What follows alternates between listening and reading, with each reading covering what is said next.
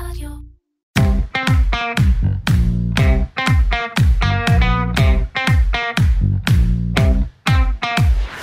המשקיעים פודקאסט שוק ההון של דה מרקר לייבלס ולאומי דיגיטל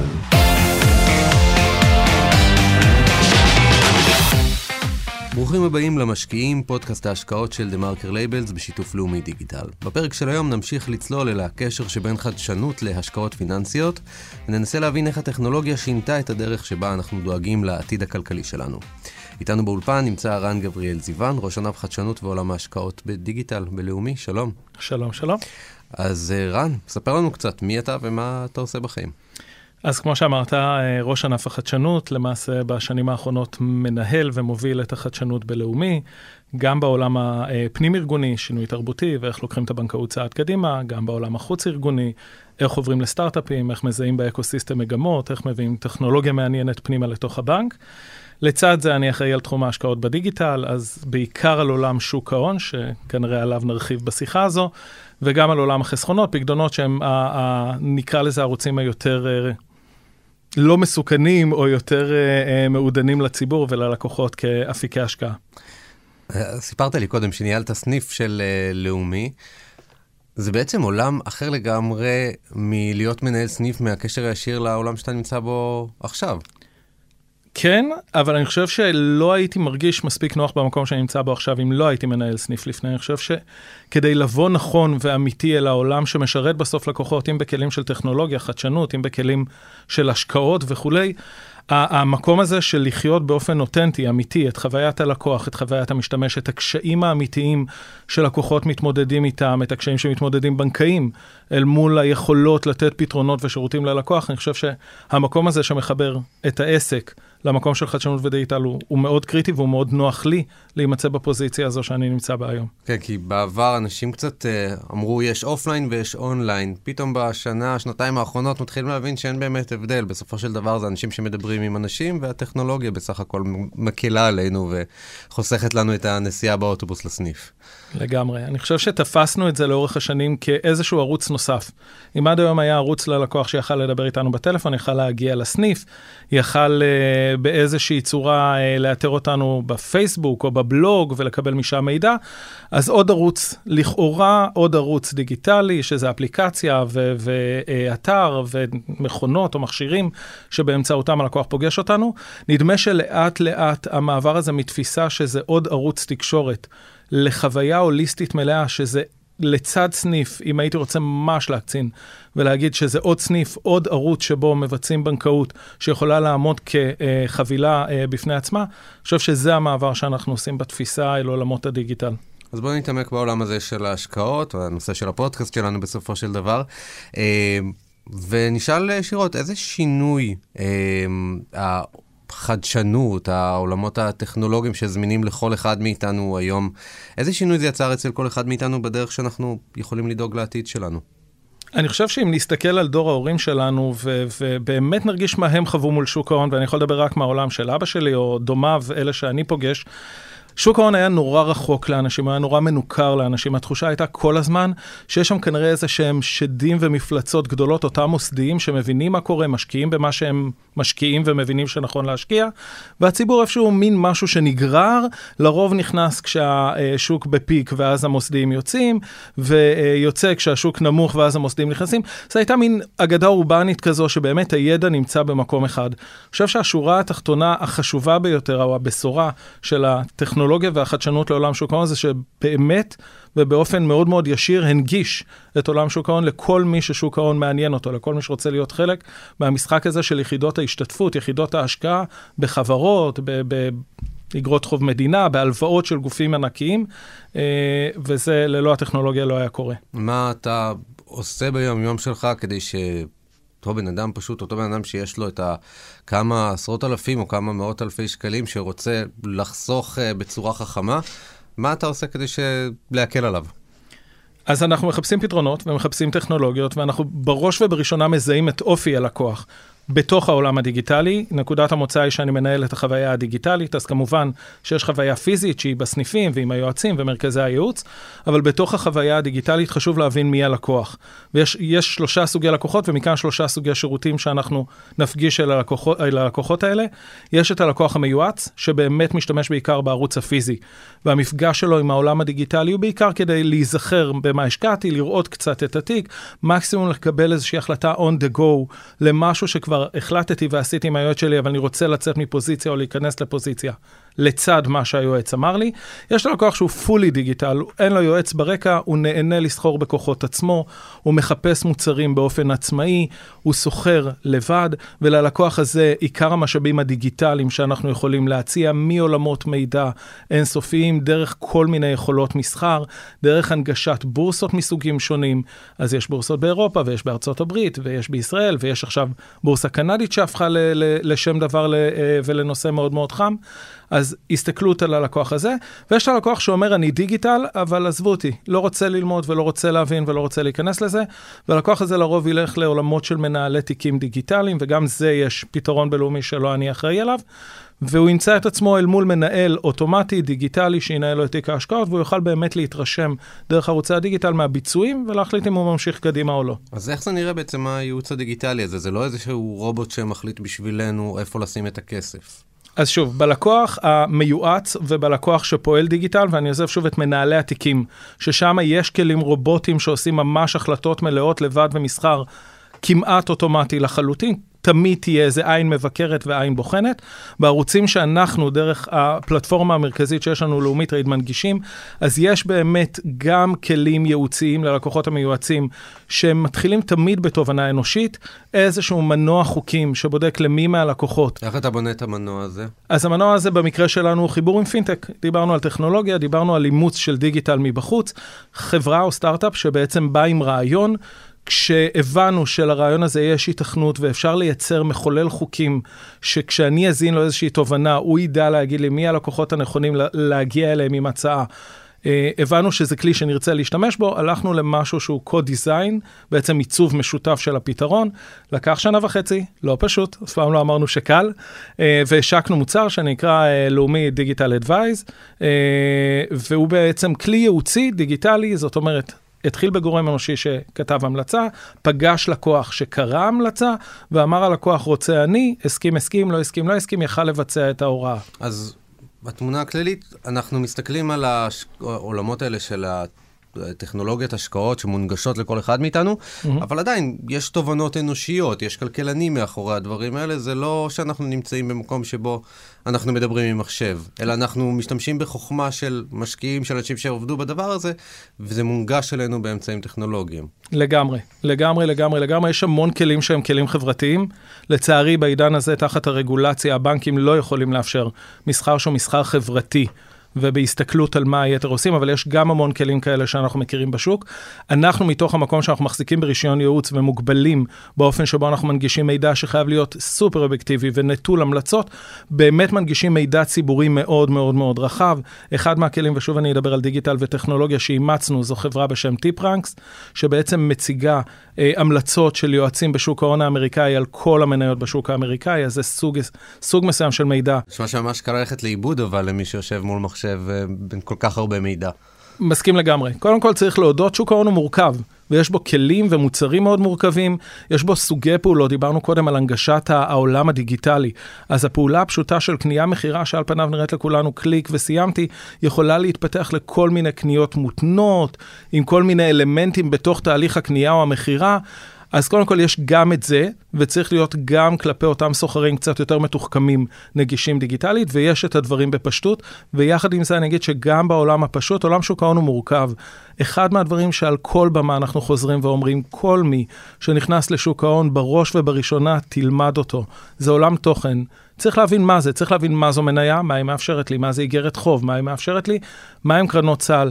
אחד מהדברים שלמשל, כשהשקנו אזור של אופציות בארצות הברית, מאוד מאוד חידדנו לכל מי שמשתמש בערוצים הדיגיטליים, שאין לזה שום קשר ודמיון לאופציות בשוק הישראלי.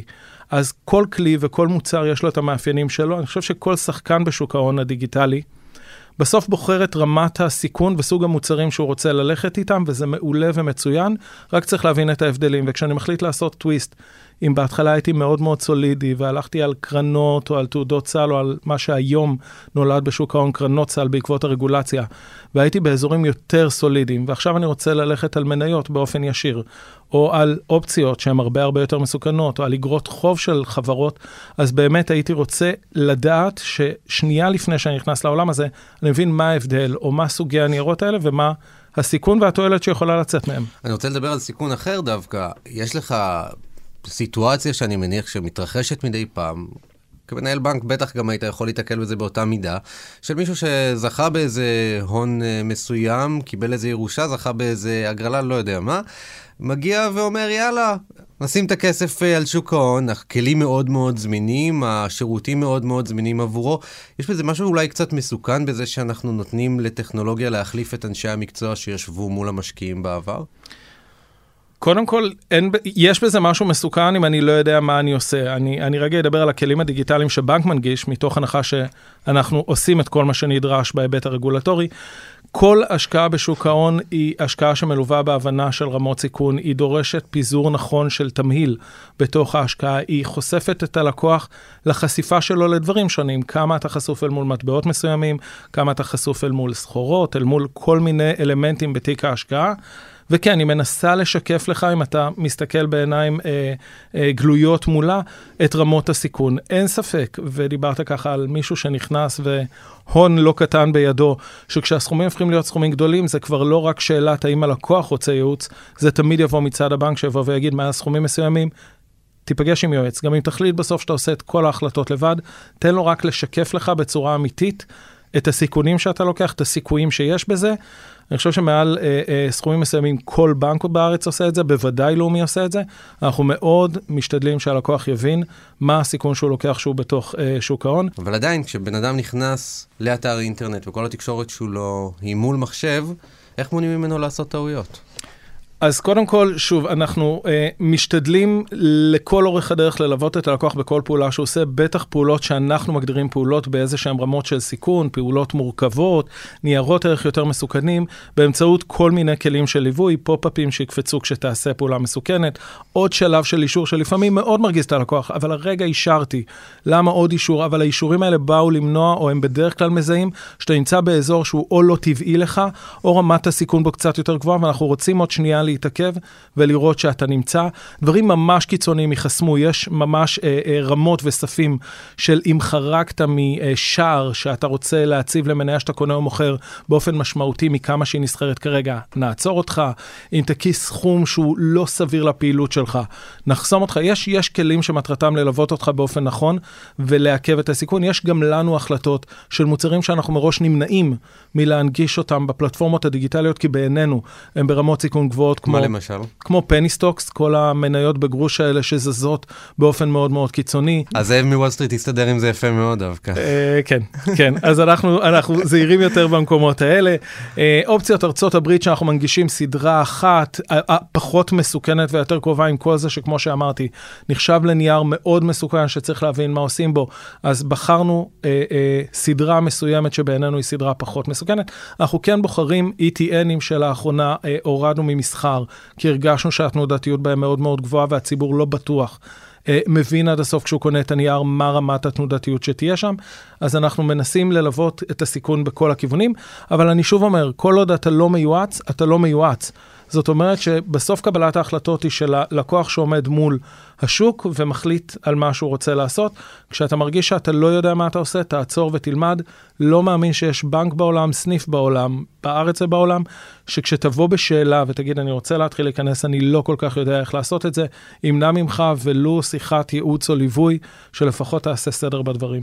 ובסוף, הכסף שלנו, נרצה או לא, מנוהל ברובו בכל מקרה בכלים כאלה, ועם הטכנולוגיה זה פשוט יותר נגיש לנו. לגמרי. קודם כל, הכסף של כולנו נמצא בשוק ההון, זה כספי הפנסיה, זה קרנות הנאמנות, קרנות ההשתלמות, כל מה שאנחנו מחזיקים כחיסכון, מה שנקרא ארוך טווח. לימי הפרישה והפנסיה שלנו, כולו באיזושהי צורה, בעקיפין או במישרין, יושב בשוק ההון, והיום רוב הגופים המנהלים המוסדיים האלה עובדים עם כלים רובוטיים ואוטומטיים שמנהלים לכולנו את ההשקעה באופן שאמור להיות המיטבי והנכון ביותר. זה גם מעניין, אתה יודע, אני חושב על זה שהטכנולוגיה באיזשהי מקום אולי גרמה לנו, לציבור הרחב, להתעניין, לחפש יותר. העובדה שאני היום יכול להיכנס בכל רגע נתון לראות מה קורה בקרן השתלמות שלי ובפנסיה שלי, ופתאום אני רואה איפה זה מחולק, וזה מעורר uh, סימני שאלה. משהו שבעבר, אתה יודע, הייתי מקבל איזה דוח רבעוני מאוד לא ברור uh, בדואר. הזמינות של, ה, של הכלים האלה עבור כולנו יותר, מאור, יותר uh, מקרבת אותנו לשם. לגמרי, אני חושב שאי אפשר להתעלם מהעובדה שגם סביבות הריבית והמשברים בשוק והיעדר אלטרנטיבה להשקעה מזיזים אותנו יותר לשוק ההון. מעניין לראות, ו- וזה אולי מתחבר באופן מאוד ישיר לעוד מידע שגורם לי לעשות החלטות שונות, אני לא יודע אם זה גורם לי לשים את הכסף בשוק ההון, אבל אנחנו יכולים לראות שאם לפני עשור רוב המסחר כמעט כולו בערוצים הדיגיטליים היה בבורסה בישראל, כי זה מה שידענו, וגם זו הייתה האינפורמציה הנגישה הקלה ביותר עבור הציבור. אז ככל ששוכללו הכלים מול בורסות בארצות הברית ואירופה, והיום אנחנו יודעים להראות זמן אמת, ולהראות יותר מידע על הניירות, ולהביא את המלצות האנליסטים מהשווקים האלה, אתה רואה באופן מגמתי את uh, תנודת המסחר גם אל השווקים הזרים, גם אל אלטרנטיבות ב- באירופה ובארצות הברית. אני חושב שזה לגמרי העולם של מידע וכלים טכנולוגיים שמאפשרים לזה לקרות.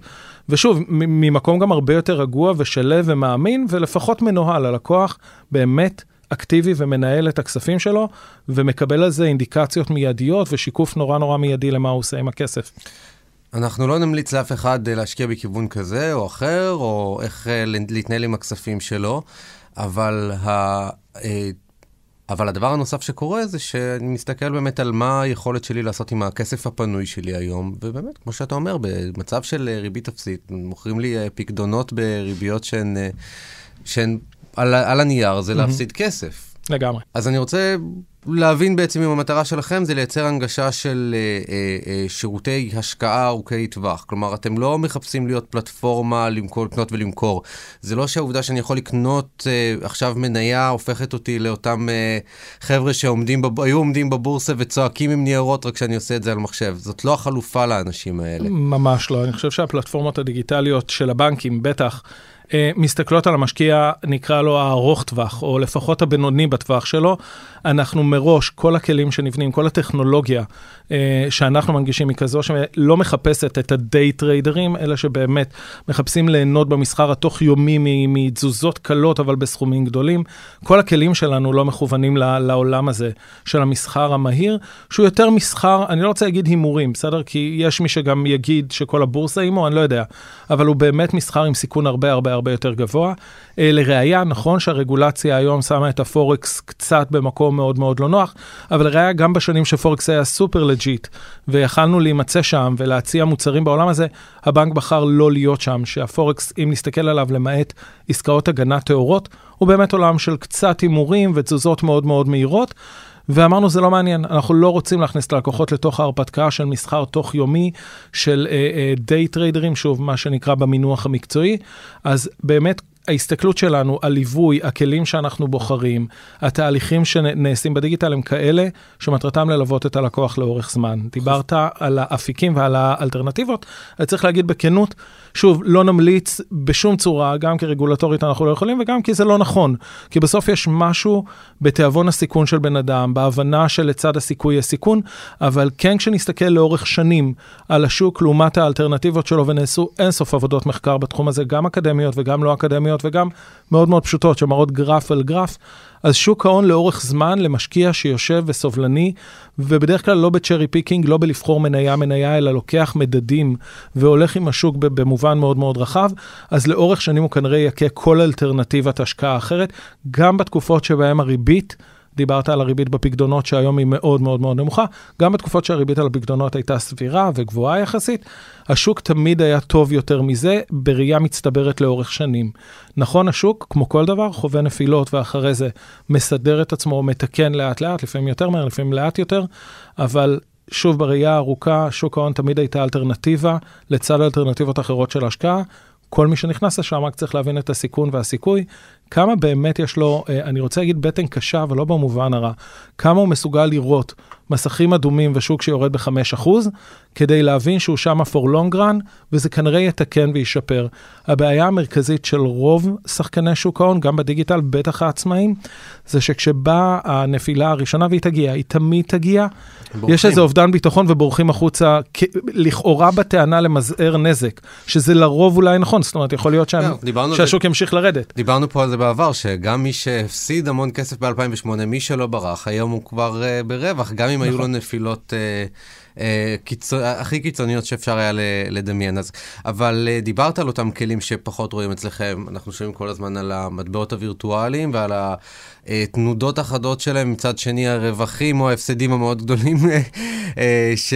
שאנשים מגיעים אליהם. הסיבה שאנחנו לא רואים שם את הבנקים זה מסיבות רגולטוריות, או שפשוט הבנקים מעדיפים מראש להימנע ממקומות שהם עם סיכון כל כך גבוה? אני חושב שבעיקר, בעיקר, בעיקר סיבות רגולטוריות. כרגע הרגולטור חוסם, אז אנחנו בכלל לא במקום האמיתי כמערכת בנקאית לבחון את האפשרויות להנגיש את זה לציבור. כן יש ETFים, תעודות סל אמריקאיות, שמחקות או מלוות את מדדי המטבעות הווירטואליים ובהם אפשר לסחור בערוצים הדיגיטליים. אז לכאורה באיזושהי דרך, גם בלי לקנות את המטבע הווירטואלי עצמו, אני יכול לסחור או להיצמד באיזושהי צורה למטבע. כן, אנחנו גם מטעמי הסיכון, והיה והרגולטור ישחרר, לא יודע להבטיח שמחר בבוקר, בדיוק שוב כמו עם penny stocks, בדיוק כמו עם ETNים, נרצה להנגיש את זה כפלטפורמה דיגיטלית לכולם. יהיה מאוד חשוב להבין שהציבור מבין את רמת הסיכון, את רמת התנודתיות, את מה קורה כשמחליטים ללכת ולסחור במטבע וירטואלי באופן ישיר. אבל את הטכנולוגיה הזאת, הבלוקצ'יין, זה משהו שאנחנו נראה בבנקים, או שאולי כבר קיים היום במערכת הבנקאית בצורה כזו או אחרת? קודם כל קיים במערכת הבנקאית בצורה כזו או אחרת בדיוק, אני חושב שפחות בעולם שוק ההון והמטבעות הווירטואליים. יש פה שאלה ענקית, אני בא גם מחדשנות, לא רק מהשקעות בדיגיטל, על הטכנולוגיה. כי בעיניי מה שמעניין בבלוקצ'יין זה לא הביטקוין, שהוא מעניין כשלעצמו, הוא מטבע וירטואלי, אפשר ללמוד עליו המון, אלא הטכנולוגיה מאחורי הקלעים, ש... אני אפתח סוגריים ואשלח את מי שמאזין לנו ללכת ללמוד רגע על הטכנולוגיה שמדברת על ביזור ספר חשבונות ראשי, ואני חושב שהיא משנה הרבה מאוד מאיך שאנחנו צורכים שירותים ומוצרים, גם בנקאיים, אבל גם לא בנקאיים. יש לה כבר יישומים בעולם הבנקאות, בעיקר בעולמות הסחר הבינלאומי, שאנחנו רואים תחילה של יישומים בבנקאות בעולם. אה, ברור שיש המון המון המון קונסורציומים ושיתופי פעולה בין בנקים בארץ ובעולם, וגם לנו יש הסכם כזה שפורסם בתקשורת. לנסות דברים על הפלטפורמה הזו, אין ספק שהיא תהיה רלוונטית בעולם הבנקאות בשנים הבאות. אז דיברנו על בלוקצ'יין, דיברנו על uh, ניהול uh, תיקים uh, באמצעות אותם יועצים uh, uh, טכנולוגיים שמבוססים על ידע אנושי, על uh, עשרות יועצים uh, ו- ואנשי... Uh, uh, פיננסים שיושבים ובערך מלמדים את הרובוט איך לייעץ לכל בן אדם. ככה אנחנו מנגישים את הידע של אותם אנשים שבעבר עבדו רק מול בעלי אה, הון אה, אה, עתק, אה, לכל בן אדם שרוצה להשקיע את הכסף שלו ב, אה, בשוק ההון. Mm-hmm. אבל בואו נדבר רגע על אינטליגנציה מלאכותית, נכון שאולי אנחנו לא שם היום. מתי ואם יגיע היום שבו נראה בעצם רובוטים שכבר מבינים לבד את השוק ומשקיעים את הכסף עבורנו בלי בכלל מגע אנושי אה, במערכת הזאת? בעתיד, אז אנחנו לא שם, אני אסכים לגמרי שאנחנו לא שם. אני חושב שהמון נאמר בכנסי דאטה ו-AI, artificial intelligence, על רמת הבשלות והבגרות, כי נדמה ככה שרצנו כבר לכנסים שעוסקים בחשיבה נוירונית וכל מיני uh, buzzwords נוספים בעולם הדאטה. עולם הדאטה הוא מסקרן, הוא מרתק, הוא מאפשר לעשות הרבה מאוד דברים בהמשך לטכנולוגיה, כדי לשפר יכולות וכדי, כמו שאמרת, בסוף להנגיש את הידע הזה שאגור כנראה לכמה... עשרות מאות אלפי אנשים בתעשייה הבנקאית לגבי שוק ההון, לכולם. אה, אני חושב ש... אנחנו לגמרי בדרך לשם, אנחנו עוד לא שם לחלוטין. אנחנו מתחילים לראות רובוטים ראשונים, כמו שכבר אה, דיברנו בשיחה, שיודעים לקחת המלצה ולעשות לה איזושהי אנליזה, לקחת אה, מידע או, או מידע שוק ולבנות ממנו תיקים. אין עדיין בינה שרצה בתוך זה ואומרת, אוקיי, אם המלצתי ככה, מה קרה, איך אני מתקן את זה תוך כדי תנועה, אלה כלים הרבה יותר מתקדמים בעולם הדאטה מהמקום שבו אנחנו נמצאים. בהימור אה, רחוק, ונשמע כנראה את הפודקאסט הזה בעוד 3-4 שנים, שמה בערך נפגוש את היישומים הראשונים של באמת AI בתוך עולם שוק ההון. אבל זה יכול לעבוד? כלומר, יכול להיות שרובוטים יתחרו אחד מול השני, מי מצליח אה, לתת תשואות יותר טובות? אתה יודע, יש, מלמדים באקדמיה את מבחן הקוף בשוק ההון. יש כזה אגדה אורבנית שאני לא יודע, אני לא קראתי מחקר אקדמי, אבל אולי יום מן הימים מישהו יפתיע אותי ויראה לי גם את המחקר האקדמי, של קוף שהתחרה בחבורת סטודנטים, ונתנו לו להצביע על קבוצת מניות, ושלחו אותם ללמוד את כל מה שצריך על השוק, ולבחור מניות באופן נורא נורא מדויק. והאגדה האורבנית אומרת שאו שהוא לא היה רחוק מהם, או שהוא אפילו ניצח את רובם. אבל יש פה, אה, אה, לצד זה שבסוף תמיד יהיה עולם ידע ותובנות ולמידה תוך כדי, גם לא מעט, אני לא רוצה להגיד מזל, אבל הזדמנויות, דברים שקורים תוך כדי תנועה. כשאתה מחזיק באיזשהו נייר, יש המון התרחשויות שקורות בו. לפני רגע החברה נראתה באופן אחד, וקרה משהו ששינה את תנאי השוק וקורה משהו אחר. העולם הזה של בינה מלאכותית יאפשר באמצעות כלים לזהות את המקומות האלה, או אפילו לצפות אותם באופן הרבה יותר מדויק, ואם נדע לעשות את זה ולהקדים את אותו קוף, בסדר? הלכנו רגע מדוגמת הקוף, או את אותם סטודנטים, לפני שהאירוע קרה ולפני שהשוק כבר הכיל אותו, אז נדע להיות הרבה הרבה יותר מדויקים בתוך עולם ההשקעות, ושם אני חושב שהערך הנורא הגדול של אותם כלים של Machine Learning, של חשיבה עצמאית על בסיס המודלים, ייתנו המון המון ערך. אז אני חושב ששוב, נהיה שם, אנחנו עוד לא שם, אנחנו עוד במקום הראשוני של לאבד את הדאטה הגולמי ולייצר ממנו כלים ראשוניים, זה כאילו כלים מדרגה שנייה, וזה יגיע. ונהיה שם. לפני סיום רק נגיד שהפודקאסט שלנו הוא לא ייעוץ השקעות, הוא גם אינו תחליף לייעוץ השקעות אישי. כל מה ששוחחנו פה הוא לא הצעה או המלצה להחזיק, לרכוש או למכור נייר ערך או נכס פיננסי או לביצוע כל עסקה בהם. רן גבריאל זיוון, ראש ענף חדשנות ועולם ההשקעות בדיגיטל בלאומי, תודה רבה לך. תודה רבה.